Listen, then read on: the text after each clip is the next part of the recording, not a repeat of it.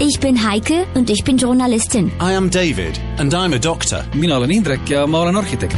meid on miljon, miljon Lexuse hübriidiomanikku üle kogu maailma on valinud vaiksema, sujuvama ja tõhusama tee. pea pool Eestis müüdud hübriidautodest kannavad samuti Lexuse nime.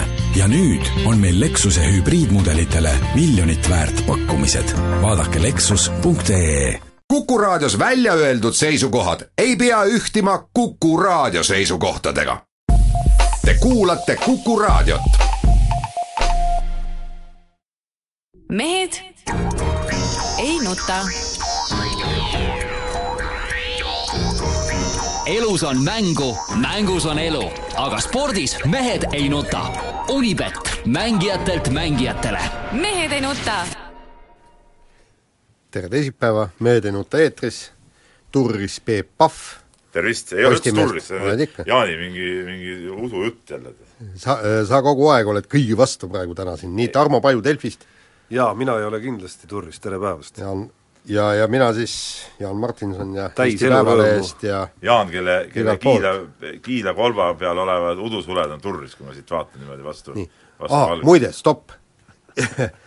Rõõmustav uudis, ma leidsin selle Gruusia veini üles oh, no ma kardan küll, et siin on mingi morsi valesti sisse. ei, ei, ei, see, see muutub iga aastaga. sulatas see korgi kinni või? ei, ei, see, see läheb iga aastaga aina paremaks.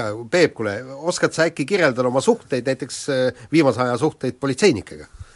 ei, suhted on head suhted on head. eelmine kord siin õnnestus kritiseerida seda, seda politsei totrat, ütleme, peitust, kiirusmõõtmist ja üllatus-üllatus, laupäeval õnnestuski ühele ühele niisugusele äh, operatsioonile nii-öelda vahele jääda. kusjuures see, ma siiski täpsustan, noh, väga suur peitusemäng ei olnud. ei, siiski oli no.. sest et ei, ma, pärast, pärast avastasin, no, oota. silla peal ei olnud. seal oli mingi mees hark jalaga ja ükski normaalne inimene tähele ei pane ja siis need siis ta andis raadio teile edasi, et, et see auto sõitis sellise kiirusega, sealt alt, jutt käib siis Pärnu maantee viaduktist, eks ole, ja siis sealt haigla, haigla eest siis võeti maha, suunati sinna haigla kõrvale, kus siis ütleme, oli enne mind juba nii mitmeidki saatusekaaslasi, kes seal ootasid oma, oma trahviotsust ja kuna mul oli hästi kiire, siis muidu ma oleksin muidugi vaidlustanud kogu selle, kogu selle jama, aga kuna mul oli ilgelt kiire, siis ma, siis ma tõesti ütlesin, et teeme nii, nii ruttu ära, kui saame, ei hakanud seal midagi vaidlema, mul oli selge, ja mul veel selg ka valutas ja ma seal politseiautos eriti istusin, ma seal ja ütlesin, et kuulge mehed, ma olen, ma seisan õues püsti vahepeal, et ma ei saa siin hakata selga nii valuti. tead ka, mis politseiauto, kui oskad normaalse masinaga, mingi kökad siit tagaistme peal istud ja minu pikkune mees, ma ei ole mingi ülipikk mees pea on pea on niimoodi ette, ette suunatud, noh, ja siis loomulikult, loomulikult siit seljanärvid hakkavad tõmbama. no järgmine asi, mis sa nõuad. Ütleme, et järgmine kord läheb asi võib-olla veel halvemini ja ja sa hakkad protestima, seal aega on rohkem ja selg ei valuta. Siis pannakse su käed raudadesse ja siis hakkad siin saates nõudma, et tehke mulle pehmemad käerauad ei no kuule, no mis auto, ise see politseinik istus ka seal taga istumise kõrval, pool kössis, no ta oli niisugune lühem mees ka muidugi natuke. kuule, pätil peabki olema ebamugav seal bussis. ei, ega ma siis kongis ei olnud ju tavaline sõiduauto. ei no aga sa polnud ka päris nii suur pätt antud juhul no.. ei no jaa, aga no lihtsalt noh, ei, ma polnud mingi pätt, noh. ise nemad pätid olid ikka politseinikud, noh. no keda laupäeval, okei okay,, ma tegin möödasõidu, sõitsin seitsekümmend viis kilomeetrit tunnis seal üle see sille. Mitte ühtki autot polnud ees rohkem, mitte midagi. no keda see nüüd siis segas või mis, mis sa, mis, mis sa arvasid, ma tõusen lendu sealt selle, selle viadukti pealt, jama ju noh, mis lolli mängimine tegelikult muidu olid normaalsed mehed, vähemalt need, kes seda vormistasid sellega, mul nende kohta veel midagi.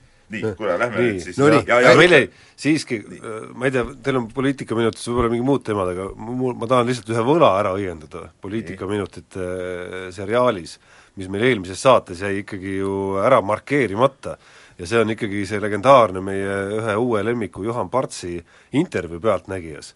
et äh, mehed, mida me möliseme siin? jah ah?, täpselt. ei, aga selles suhtes mida, mida me möliseme ei, aga, aga mulle nagu Parts meeldib, ma ütlen ausalt selles suhtes.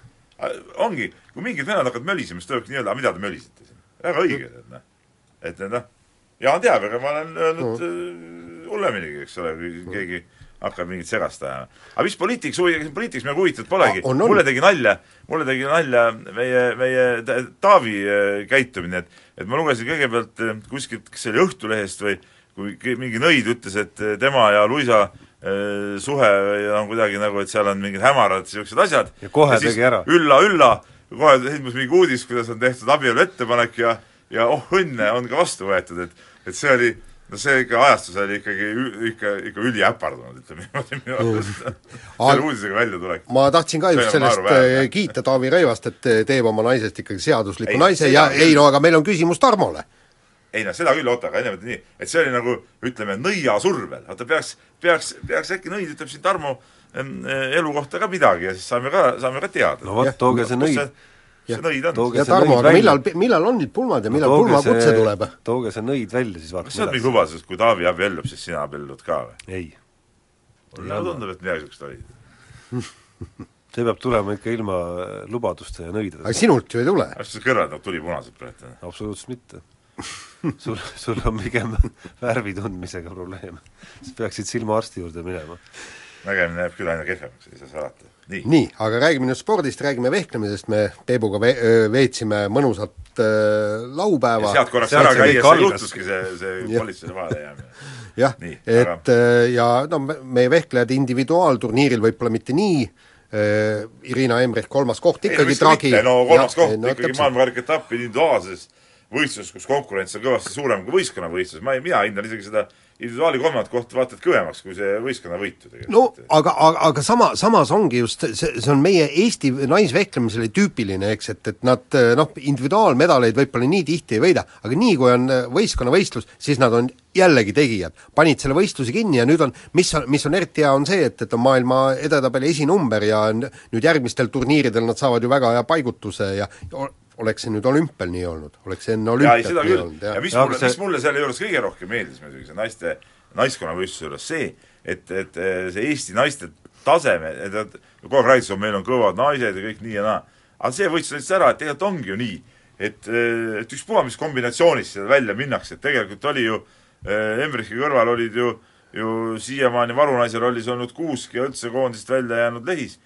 ja, ja, ja siiamaani teine number olnud siis äh, Kirpu oli nagu varunaine, et ka sellises koosluses rahulikult tehti ära, ei olnud mingit probleemi, et noh, et see näitabki, et see üldine, üldine tase on ikka, on ikka ülikõva, noh. no see naiskonna ja individuaali väike vastandus on selles mõttes isegi ju õigel kohal, see tähelepanek, et vaadates, kuidas Irina Embri, noh, olgu ta siis olümpial või, või ka nüüd, noh, eriti naiskonnavõistluses on vehelnud, on nagu imeteldav isegi, et ta sellel samal perioodil individuaalis on, on nii vähe silma paistnud, sest seal ta tundub nagu peaaegu võitmatu naine üldse maailmas. no, no, Noh, aga nii noh, nii ta ongi, liialdusega. nojah, no põhimõtteliselt nii, nii ta ongi, ega tegelikult eh, just rääkisimegi, et, et, ei mäleta tõesti, millal ta viimati nagu väga, väga seal eh, nii-öelda tihkeid maitseid mina kaotas. mäletan küll, kui see mingi EM-il või kus see oli, kui ta, kui ta selle lõppu ära möhlas, aga noh, niisugust asja tuleb kõigile ette, aga viimasel ajal loomulikult on ta tõesti suurepäraselt ikkagi viimastel et selle, et selle pealt võiks isegi ju olla alust oodata, et ta siin lähiajal ja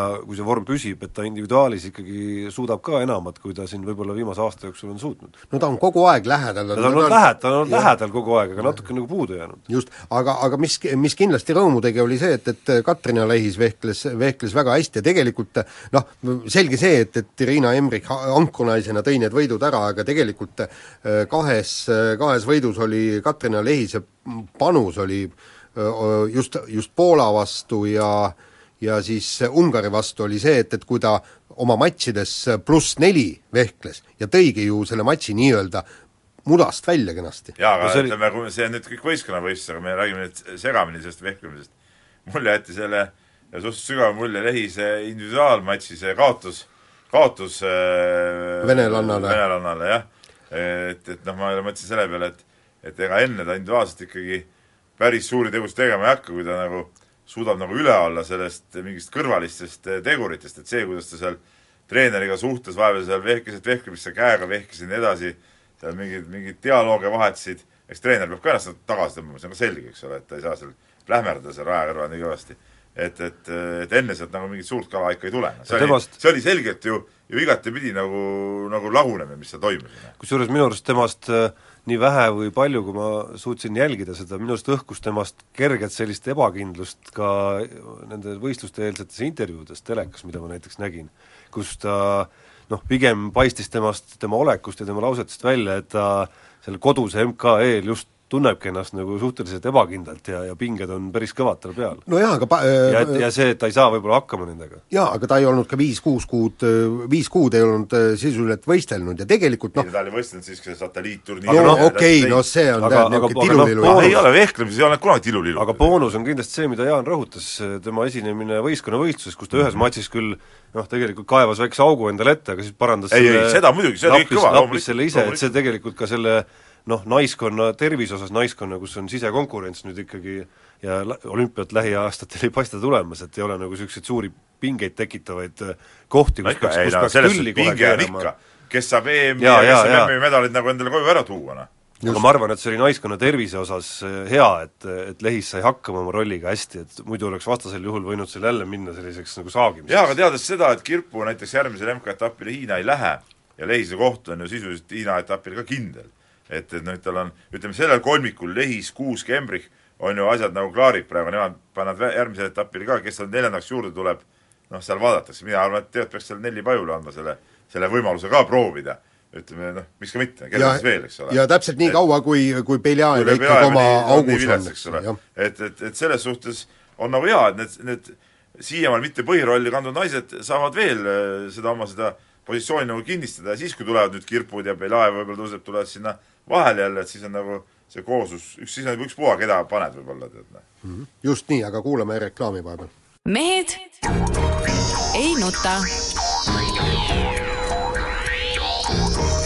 elus on mängu, mängus on elu, aga spordis mehed ei nuta.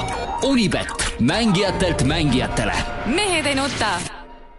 jätkame saadet kiire vahemänguga ja mehed, rääkige, mis nüüd siis Kristjan Kangurist on saanud täielik kuldkäsi või? Kahes mängus niisugused filigraansed kolmesed no see teisel mäng kolmel mingi filigraanne muidugi ei olnud. No miks ei olnud, väga- väga selgelt- rinna pealt äh, kiire tõuge seda seda filigraansem. aga ei noh ta oli nagu lullilik niisugune. jah, noh kuldkäsi on ju Kristjan Kangur olnud juba päris pika osa oma karjäärist, et et ühest küljest kindlasti tunnustus talle selle eest, kuidas ta ikkagi ühel hetkel oma karjääris ikkagi töö tulemusena omandas väga hea oskuse kolmesid visata, sellise oskuse, mis ühel hetkel andis talle isegi Euroliiga jooksvas kolmeste viskade edetabelis esikoha ja, ja tegelikult ta konkureeris tol hooajal lõpuni, lõpuni oli selle seal koha peal, et, et seda, see nagu juhuse mäng ei olnud, ei olnud see, et viskas korra sisse ja siis hoidis oma kahest üks tabamust kuidagimoodi hooaja lõpuni, et vastupidi, tema visked olid need, mille peale mängiti ikkagi. aga Aga- muidugi efektsem osa nendest mõlemast kolmesest siit vaadates oli muidugi mehe enda reaktsioon nendele reaktsiooni ei olnudki, Tarmo. kõik need mustad mehed, publik, kõik eksivad ta ümber ja tema on nagu samplase beat, vana rahu ise no no just business, No jaa, business as usual. mingit emotsiooni võiks ikka mees välja näidata, noh. Ei no jaa, aga see on, eestlased on ju säärased, nagu mä- mäletate, Veerpalu tuleb olümpiavõitjaks, siis natukene suunurk kerkib ja ja siis ütleb, et noh, et küsid, et noh, et kuidas, mis tunne on, ah, ei olnudki kõige halvem päev. mina küll ei tea, kui ma paneks viimase sekundi kolme sisse, ma küll märatseks natuke tead. no mis sa teeksid? mind kohe huvitaks täitsa. ei, ma ei tea, noh, no ma ei tea, no mingi rusika ikka püsti lööks, no ei oleks nii, et et lihtsalt jalutad ära, nagu poleks midagi juhtunud, no aga selles on see ka, aga. selles on ka teatavat stiili, võib-olla see ongi tema, vaata Ragnar, ei, mis Ragnar, Mattias Käit ju rääkis ka sellest äh, enne seda Gibraltari mängu, et oli ikkagi mõttes nagu läbi arutanud, et kui ta lööb, mismoodi tähistab, on ju. et äh, võib-olla Kangur ongi läbi mõelnud selle, et tema on niisugune nagu cold as ice, selline põhjamaalane, et seal itaallaste kõrval see nagu eristubki kõvasti seal. stiili oli selles ikkagi stiili oli, tuleb tunnistada. see kobastiil oli, ma arvan. noh, nagu niisugune palgamõrtsukas, ei mingeid emotsioone, põmm ja korras ja kõik. ma arvan, et see ei olnud läbimõeldud, lihtsalt oligi nii. et ongi niisugune. jah, ongi niisugune. nii, küll aga ma ei oska öelda, kas oli läbimõeldud või või vastupidi, ei olnud eriti läbimõeldud äh, kopamehel ja ehitajatel tegevus Tallinna spordihalli ümbruses, see oli siis meil reedel, jah? jah jah, selle kopamehe, kes siis purustas remonttööde käigus elektrikaabli, nii et Tallinna mõõgaturniir päris pikaks ajaks äh, pooleli jäi ja ja ajakava täitsa sassi läks. ma arvan, see oli äkkviha. mina tuled siia meie, meie õue peale siin mõõskadega vehkima, tead, noh. pimedaks, tead, õige. Mis on, mis on siis, noh, miks ei võiks? Aga kusjuures järgmine päev oli muidugi kõvasti ilkumist, küsiti, et olete kopamehed eemale peletanud ja siis oli öeldud, et oli raudne käsk neile antud, ärge praegu palun mitte midagi puutuge. Nüüd järgneva ka kahe päeva jooksul, aga muidugi no kusjuures öö, ei, aga hästi miks, aga mis mõttes see segas võistluse läbiviimist, Jaan? Noh. no nii nagu selle võistluse käigus ka arutasime, eks ole, kuidas nagu tegelikus vehklemises on, aga mis see on siis? D'Artagnan omal ajal, kui natuke hämar oli, sa ei vehelnud siis seal või? ikka vehkles ju, mis on siis? Ei. no tingimused võrdsed ju. ei no kakskümmend aastat hiljem, seal olid juba esimesed stseenid, mäletad, kui nad, kui nad seal kuhugi läksid ja öösel pimedas hakkasid omavahel vehklema ja kõik ja, ja noh, ja täpselt, jah. Ainult kõik need süsteemid vist ei töötanud, ma kahtlustan. süsteemid, lihtsalt- kohtuks saab ju, vaata vanasti tennises ka loeti aru, punkte nende, nende mummudega sealt üle, pandi neid punkte, eks ole. praegu samamoodi, kas paberi peale kirjutad üks-null, üks-üks, mis, mis, mis, mis süsteemi siin vaja on siis? no ma ei tea, kas pimedas kohtunik oleks näinud ainult, kes siis torkas esimesena? vaata need valged kostüümid, et kui punane plekk tuleb nagu peale, siis väga lihtne. no selge. aga äh, väga lihtne polnud elu Kristjan Kitsingul, meie kuulsal korvpallikoondisel, kes siis kõige suureks üllatuseks läks peale EM-valikmängude lõppu Argentiinasse mängima, aga noh, see mängimine jäi seal üsna lühikeseks, et et alguses sai seal natuke rohkem minuteid, siis sai vähem, siis sai veel vähem, siis saanud peaaegu enam üldse ja, ja nüüd ta juba ongi Euroopas tagasi, et, et vist, vist Taani läks, kui ma nüüd õieti mäletan. et no see on niisuguse eksootilistesse maadesse minek, noh, korvpalli mõttes või ikka meie jaoks on ikka kauge eksootiline maa, kus nagu keeli ei osata ja, ja, ja suhelda kellega ei saa, et et ongi nagu suhteliselt mõistetamatu, et kuidas, kuidas ta oleks pidanud seal hakkama saama, kui treener ei suuta temaga ju mitte midagi rääkidagi. noh jah, samas oleks võinud sellele ju ka ette võib-olla mõelda natukene. ei, seda kindlasti. et mis need suhtlusahelad seal siis on, et või olla nii kõva mängumees, et lihtsalt läheb platsile ja paned, et noh, mis see on. jah, siis ei ole, siis ei ole keelt ei vaja. ole seal mingit keelt vaja, korvpallikeel on see, et pall on korvis, tead noh, midagi muud. no jaa, aga vähemalt Argentiinas ei nähtud, et teid sinna saata näiteks paariks kuuks mingit tööd tegema, ikka tore ju. saad riigist aimu ja liha süüa. nii, võtame järgmise teema ja räägime jalgpallist ja Leve-, Levadia jalgpalliklubi administraator Igor Kazakov oli määratud siis laste jalgpallikohtumise kohtunikuks, aga ilmus kohale eh, pehmelt öeldes vindisena, ehk siis purjus peaga ja ja põhimõtteliselt äh, politsei, nagu ma sain aru, on kohale kutsutud ja siis nüüd äh, määrati siis mehele kahe aasta pikkune jalgpallis tegutsemise keeld. aga kas see on ikka fikseeritud, et oli purjus, mina lugesin ikkagi klubi äh, tegevjuhi Johlov Simsoni ütlust, et äh, ta oli tugevas pohmellis. pohmell ja purjusolek on kaks täiesti erinevat asja. no jääk nähuda, politsei igal juhul jääk võtab nähk ei maha. ole purjus. kui sul on, sul on kõva pohmakas, sa ei ole purjus, et selles suhtes muidugi siin ei saa niimoodi sõnu loopida. ma ei tea, mulle pigem Jalgpalliliidu selline nulltolerants selliste asjade suhtes pigem ikka meeldib. selle vastu ma üldse ei vaidlegi. et äh, kus sa seal nüüd vahet teed, ma ei ole ka juures olnud ja ei tea, mis promillid seal Oota. välja puhuti, aga aga noh, lõpuks on ka inimlik hinnang inimesele noh, tihtilugu üsna piisav mingisuguste järelduste tegemiseks. kuule, aga Peep, siit nüüd äh, näiteks küsimus on ju, eks, et äh, noh, korvpallikohtunik on, sina mängid, vaatad, vilistab nii, nagu kuidas jumal juhatab, nagu sinu mängude nagu puhul, eks. nii, aga ütle, kas sul oleks õigus näiteks äh, ühel hetkel kutsuda äh, politsei sinna, et kuulge, mõõtke venna joobeastet, ta ju kurat vilistab niisuguseid vigu, et või, või, või teeb siin niisugust politsei tuleb, nad peavad seal kuskil kraavis roomama ja kiirust mõõtma, nad lihtsalt ei tule, selles on asi. ah, aga endal panna võib-olla siis see äh, Alkomeeter tasku ja, ja Nad ei pea ju puhuma. no selles suhtes, aga ei, no ei, loomulikult äh, äh, tuli hukka mõista. aga mees saab vähemalt staadioni muruniitjana saab jätkata, see oli nagu põhiline. no eks ta peab seal ka vaatama, et ikkagi noh, ka nende jääknähtudega mitte, muidu on seal varsti varvas kuskil niiduki all ja aga kui tal on kõik. jalgpallis töötamise keeld, siis ta saab muruniita ainult siis, kui seal näiteks tuleb mingi rahvatantsu eh, asi või, või mingi jah, mingi muu üritus. kui jalgpall tuleb ja matš tuleb, siis ta ei saa seda muruniita, sest see on jalgpallis tegutsemine. ja, ja kusjuures jooni kindlasti tal ei tohi lubada ei. maha märkida, need tulevad väga vildakad. nii, aga kuulame vahepeal äh, uudisteidki. mehed ei nuta. elus on mängu, mängus on elu, aga spordis mehed ei nuta. Unibet, mängijatelt mängijatele. mehed ei nuta. uudised kuulatud, jätkame saadet, Peep Pahv, Tarmo Paju, Jaan Martinson, kirjad sul, Peep? jaa, kirjad ja kirju on nagu alati palju ja võtame siin kohe sellise Tarmole suunatud küsimus, Indrek küsib, et et ennustaks siis äh, NBA meistri ära. aa, ta pakub muuseas vahele siin, et paneks panused ka, et kast õlut näiteks. ja pakub äh, Spursi. ahah, me saame siis kolm pakkumist teha vastu või? ei, ma jätan pakkumata, mul suht savi. ei, meil piisab ühest ka, noh. Noh, ega seal ju kaks varianti on tegelikult, üks on valitsev meister ja teine on äh, ennast nüüd täis õginud äh, Warriors, ega siis nagu noh, muid variante seal ju lõpuks ei ole, et Spurs on päris julge pakkumine muidugi. et sa, Indrek, selle õllekasti meile ära tuua, mul on niisugune tunne. jah, et me paneme, Peep ütleb siis mina arvan, et, et äh, Warriors ja, ja, ja mina, mina ütlen, et Cavaliers. jah, jah, ja nii ongi ja väga lihtne, lihtne värk, tead noh ära neid maitseõllesid too, need on rõvedad.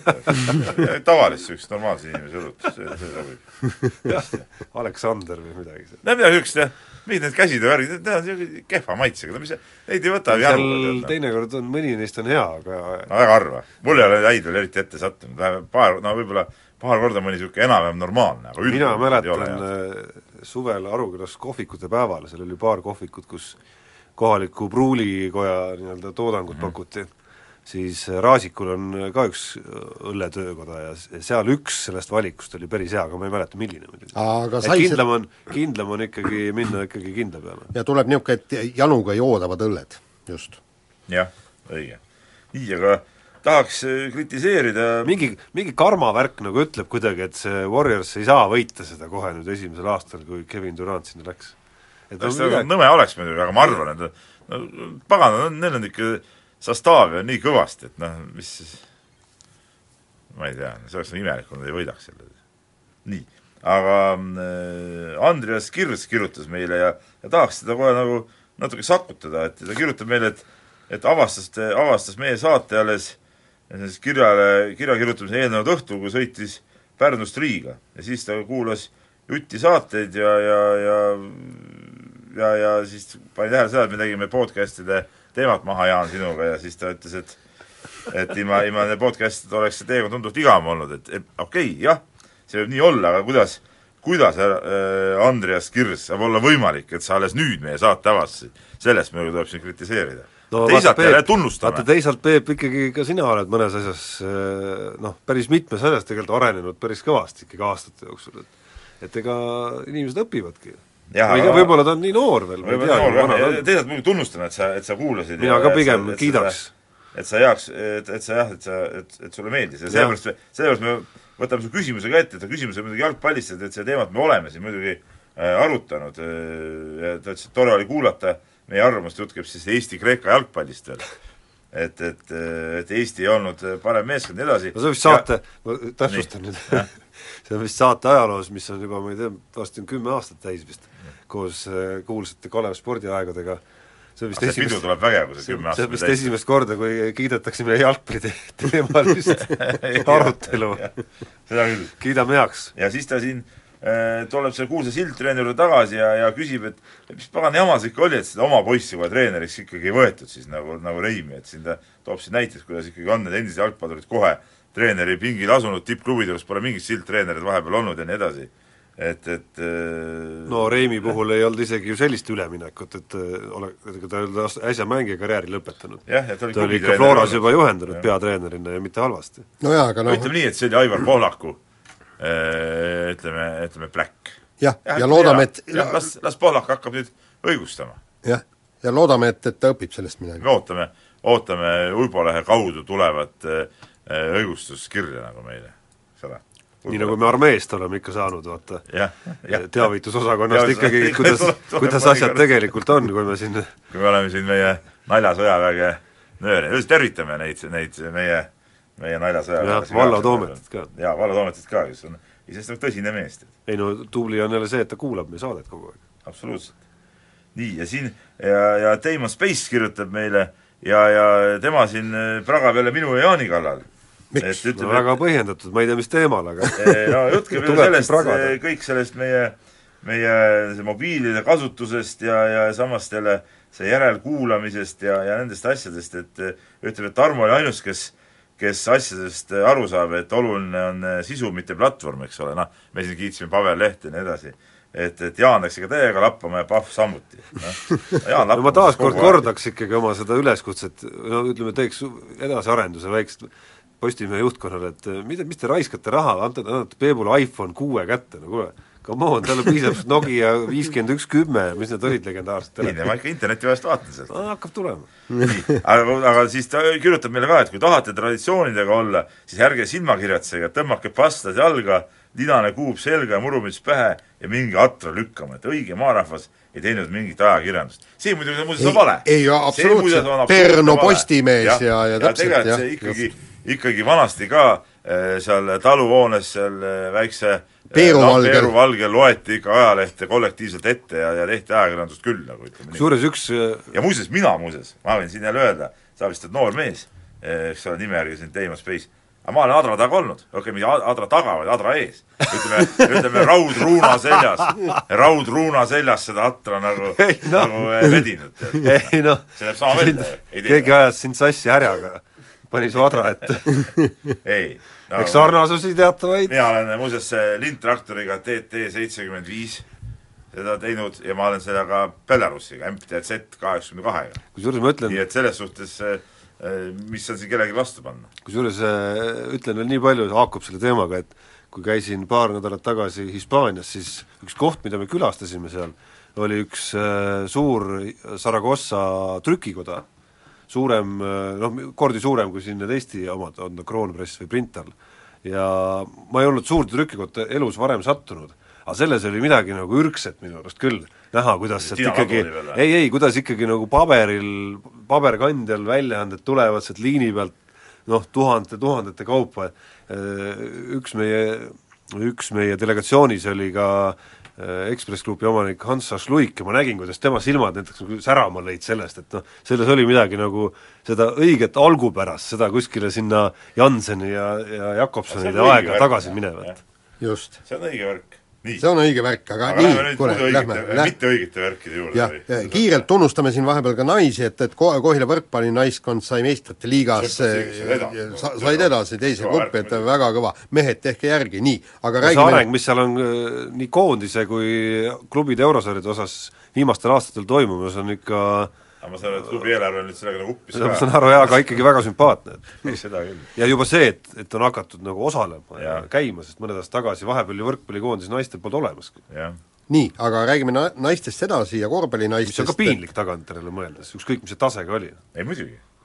nii, räägime nüüd sellest, et Jaanus Levkoi jättis Merike Andersoni Eesti korvpallinaiskonnast välja ja, ja põhimõtteliselt nagu ma sain aru, et, et siis selle nii-öelda Andersoni kri-, kriitika ja vilepuhumise tõttu või, või, või mis siis on, ega no või... ütleme nii, et eh, on, mis on, no see on, eh, ma aitasin seda Jaanus Levkoile, meil oli siin korvpallikonverents just kaks nädalat tagasi ja seal omavahel vestlesime, ütlesin ka, et, et et, et kurat, see ei ole õige värk, et ära, ära, ära seda, ära seda käiku niimoodi teed, et noh, et ja ma, ma ei saa seda kuidagi heaks kiita, et kui meil on ikkagi korvpallur, kes on mänginud noh, sisuliselt kogu oma elu ikkagi Euroopa, ütleme nagu ikkagi täiesti tippsarjas, ta on ju mänginud seda Euroliigat ja igast muid eurosarju, mängib välisklubides ja asjades no vaieldamatult on ta, on ta eh, tasemelt eh, teistest Eesti naistest üle, noh. ja siis sa jätad ta välja, noh, see ei ole nagu õige, noh. see ei ole õige. ja, ja noh, jätad välja sellepärast, et ta võib-olla sul utsitab seal teisi liiga palju takka või no mis liiga palju, utsitab teisi takka ja nii edasi ja, ja on, on ka treenerite suhtes kriitiline, see ei ole nagu see põhjus, eks ole, ise tuleb ikka oma need tegevused natuke ümber vaadata, et kas, kas see kõik, mis ta nagu pakub ise koondisele, on nagu sellel tasemel nagu see treenerite poolt, kas teised naised teevad oma tööd võib-olla nii, nii tasemel, kui Anderson on harjunud, eks ole, ja, ja sellesse konteksti see asi panna, et, et välja jätta nagu mingil juhul ei tohiks. no Anderson on ikkagi nagu kahtluseta ikkagi tippude tipp Eesti naiste korvpallis.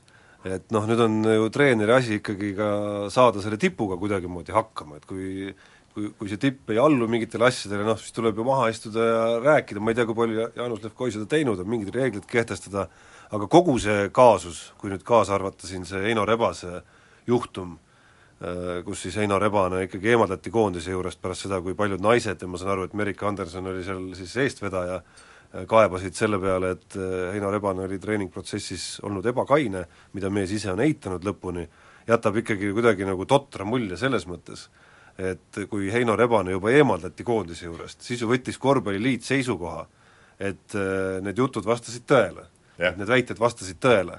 Jaanus Levkoi omakorda on Heino Rebast kaitsnud kogu aeg. et siin on nagu mingisugune asi ei haaku omavahel, et kuidas Jaanus Levkoi sai jätkata ikkagi selles olukorras äh, naiskonna peatreenerina. et minu arust oleks, kui korvpalliliit tõesti otsustas ja tõendid viitasid sellele, et Heino Rebane tõesti oli ebakaine, nagu see otsus nagu viitab, et ta eemaldati, siis, siis tegelikult oleks pidanud suurema vahetuse seal tegema.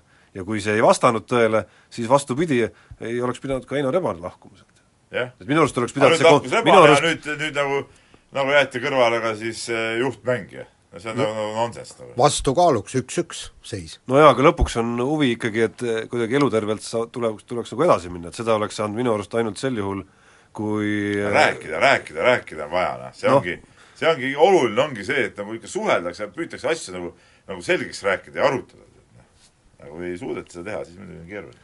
nii, aga väga eluterve hetk on vähemalt käsil meie ma ei oskagi öelda nüüd, kes neist on esirattur ja kes ei ole, aga üks kahest esiratturist, Tanel Kangert, kes äh, siin vastu sügist või sügisel võitis ära Abu Dhabi velotuuri ja lootus on, et see on nüüd äkki millegi suure algus.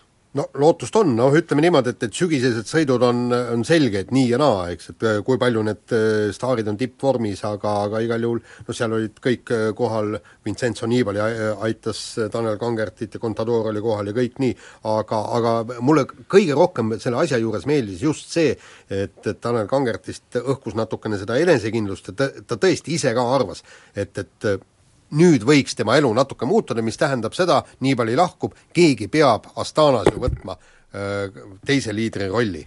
nii et, et, et loodame. siiamaani on just ju Kangertit süüdistatud selles, et tal ei ole piisavalt seda niisugust nahaalsust ja enese eh, kehtestamise võimet nagu, et, et, et teha ja, ja, ja olla ise see liider, eks, et ta tahab olla nagu tagaplaanil kogu aeg. et, et noh, kui nüüd noh, kõik me areneme, nagu Tarmo siin ütles, eks ole, näe, on arenenud Kangert ka. No me ei tea seda veel ju täpselt. no aga loodame, see tähendab, ei lööb, et ei see- no tema enda jutust see ikkagi kumab nagu välja et praegu. see võit praegu ei võit võiduks, aga kumab välja see, mida, kuidas mees asjadesse suhtub, nagu ta siiamaani nagu suhtuks sellesse, et tema jaoks oligi hea olla lihtsalt seal teiste abistaja, siis kui ta nüüd nagu räägib teistmoodi neid asju natuke, siis see juba näitab arengut. sellepärast, et tema tase ju tegelikult eeldab seda, et ta teatud velotuuridel võiks kindlasti olla meeskonna liider, ma ei tea, kas nüüd nendel suurtuuridel või mis, aga sealtki äh, Tour de France'il või, või Girol või kus kohas on olnud. kui, kui vend peab Niivalit äh, järele ootama kuskil tõusudel, laskumistel, noh. no tead, no spordis eriti kehtib ju väga hästi see kõnekäänd, et süües kasvab isu. Et äh, see põhiline lootus on siis, et seesama võidu maitse, mille ta nüüd suhu sai, et see kuidagi paneb teda mõtlema, et oot-oot-oot-oot, aga ma olen ju nii hea, ma peaks kogu aeg tahtma võita. just, aga vahepeal kuulame reklaami. mehed ei nuta. elus on mängu, mängus on elu, aga spordis mehed ei nuta. Unibet, mängijatelt mängijatele. mehed ei nuta.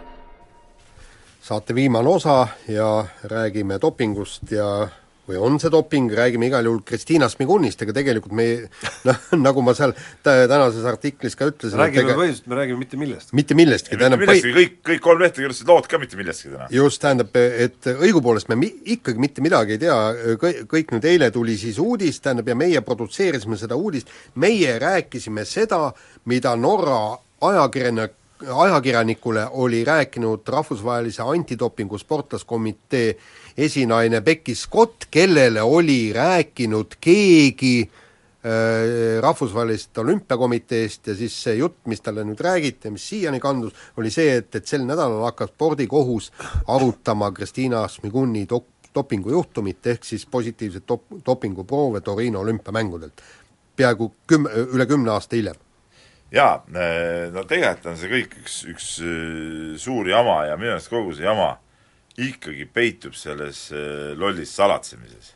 ja, ja selles äh, ka mingisuguses äh, kassi, ma ütleks täiesti debiilses äh, reeglis selles, et seda protsessi käiku nagu ei, ei avalikustata enne, kui äh, on näiteks sportlane süüdi mõistetud.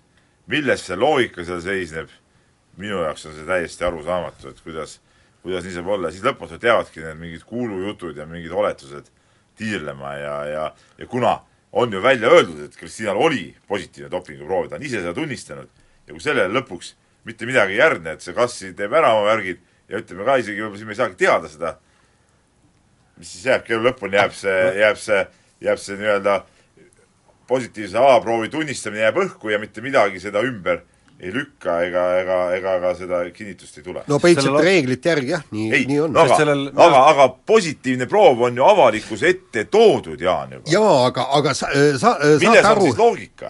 vaata, kui absurdne tegelikult kogu see värk oli, sellepärast et see, see mingisugune Vene portaal pildus välja aga see Kristiina ise tunnistas just, seda ei, aga, aga, aga sa Peep Vene nüüd mõtle, portaal temast ei rääkinud midagi. jah, temast ei rääkinud midagi. Siis see tuli ETV-sse, Jaan, sina olid juba sotsi ära sõitnud, mina sõitsin järgmine hommikul ja nägin seda, kuidas tuli. Jaa, ETV-sse ütles jah, oli, mul oli see paha leid seal, noh. Just- molekulikene, ma täpsustan. ei, halb analüütiline leid oli. Molekulikene oli ka. nii, aga, aga, aga mõelge nüüd, kui see Vene portaal ei oleks seda välja visanud äh, õhku seda, et, et eestlaste dopinguproovid on positiivsed, me ei teaks siiamaani mitte ja see, midagi ja see viitab omakorda sellele, et äh, kui palju on neid asju veel, mida seal spordikohtus arutatakse niimoodi, et mitte keegi kunagi ei saagi teada. Ja aga nii ongi. aga kas, aga kas see viitab kohtu sõltumatusele või? mingi salakohtupidamine?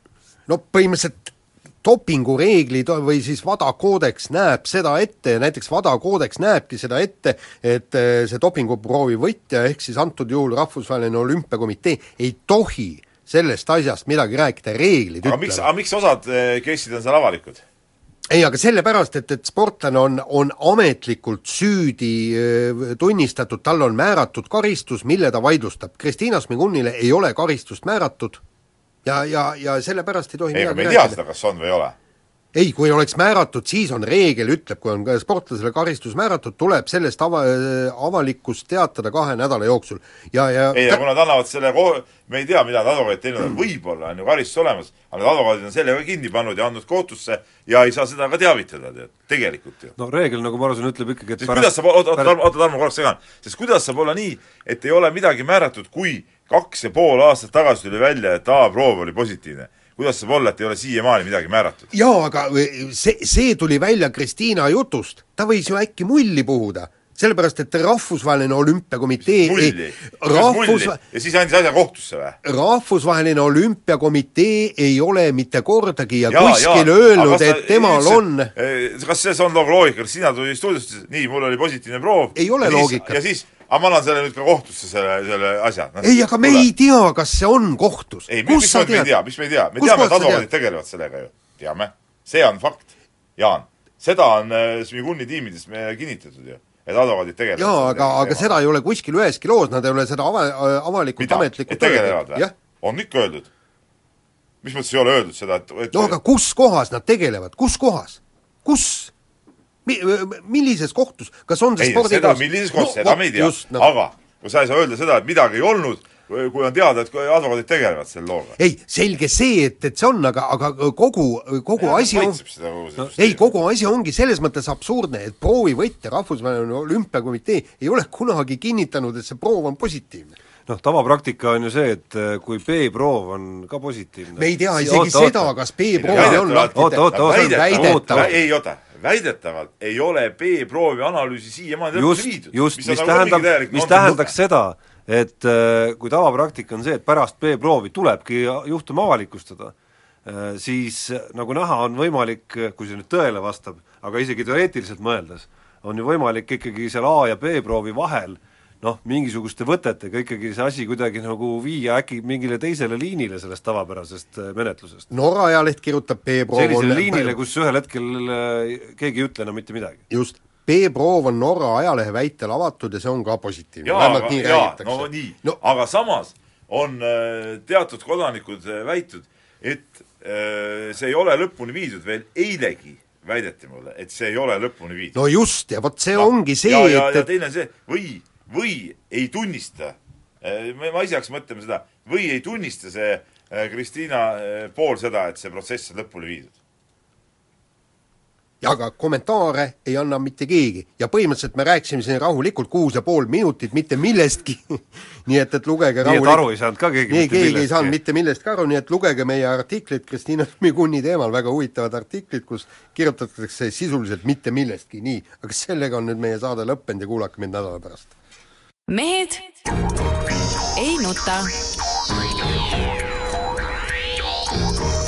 elus on mängu, mängus on elu, aga spordis mehed ei nuta.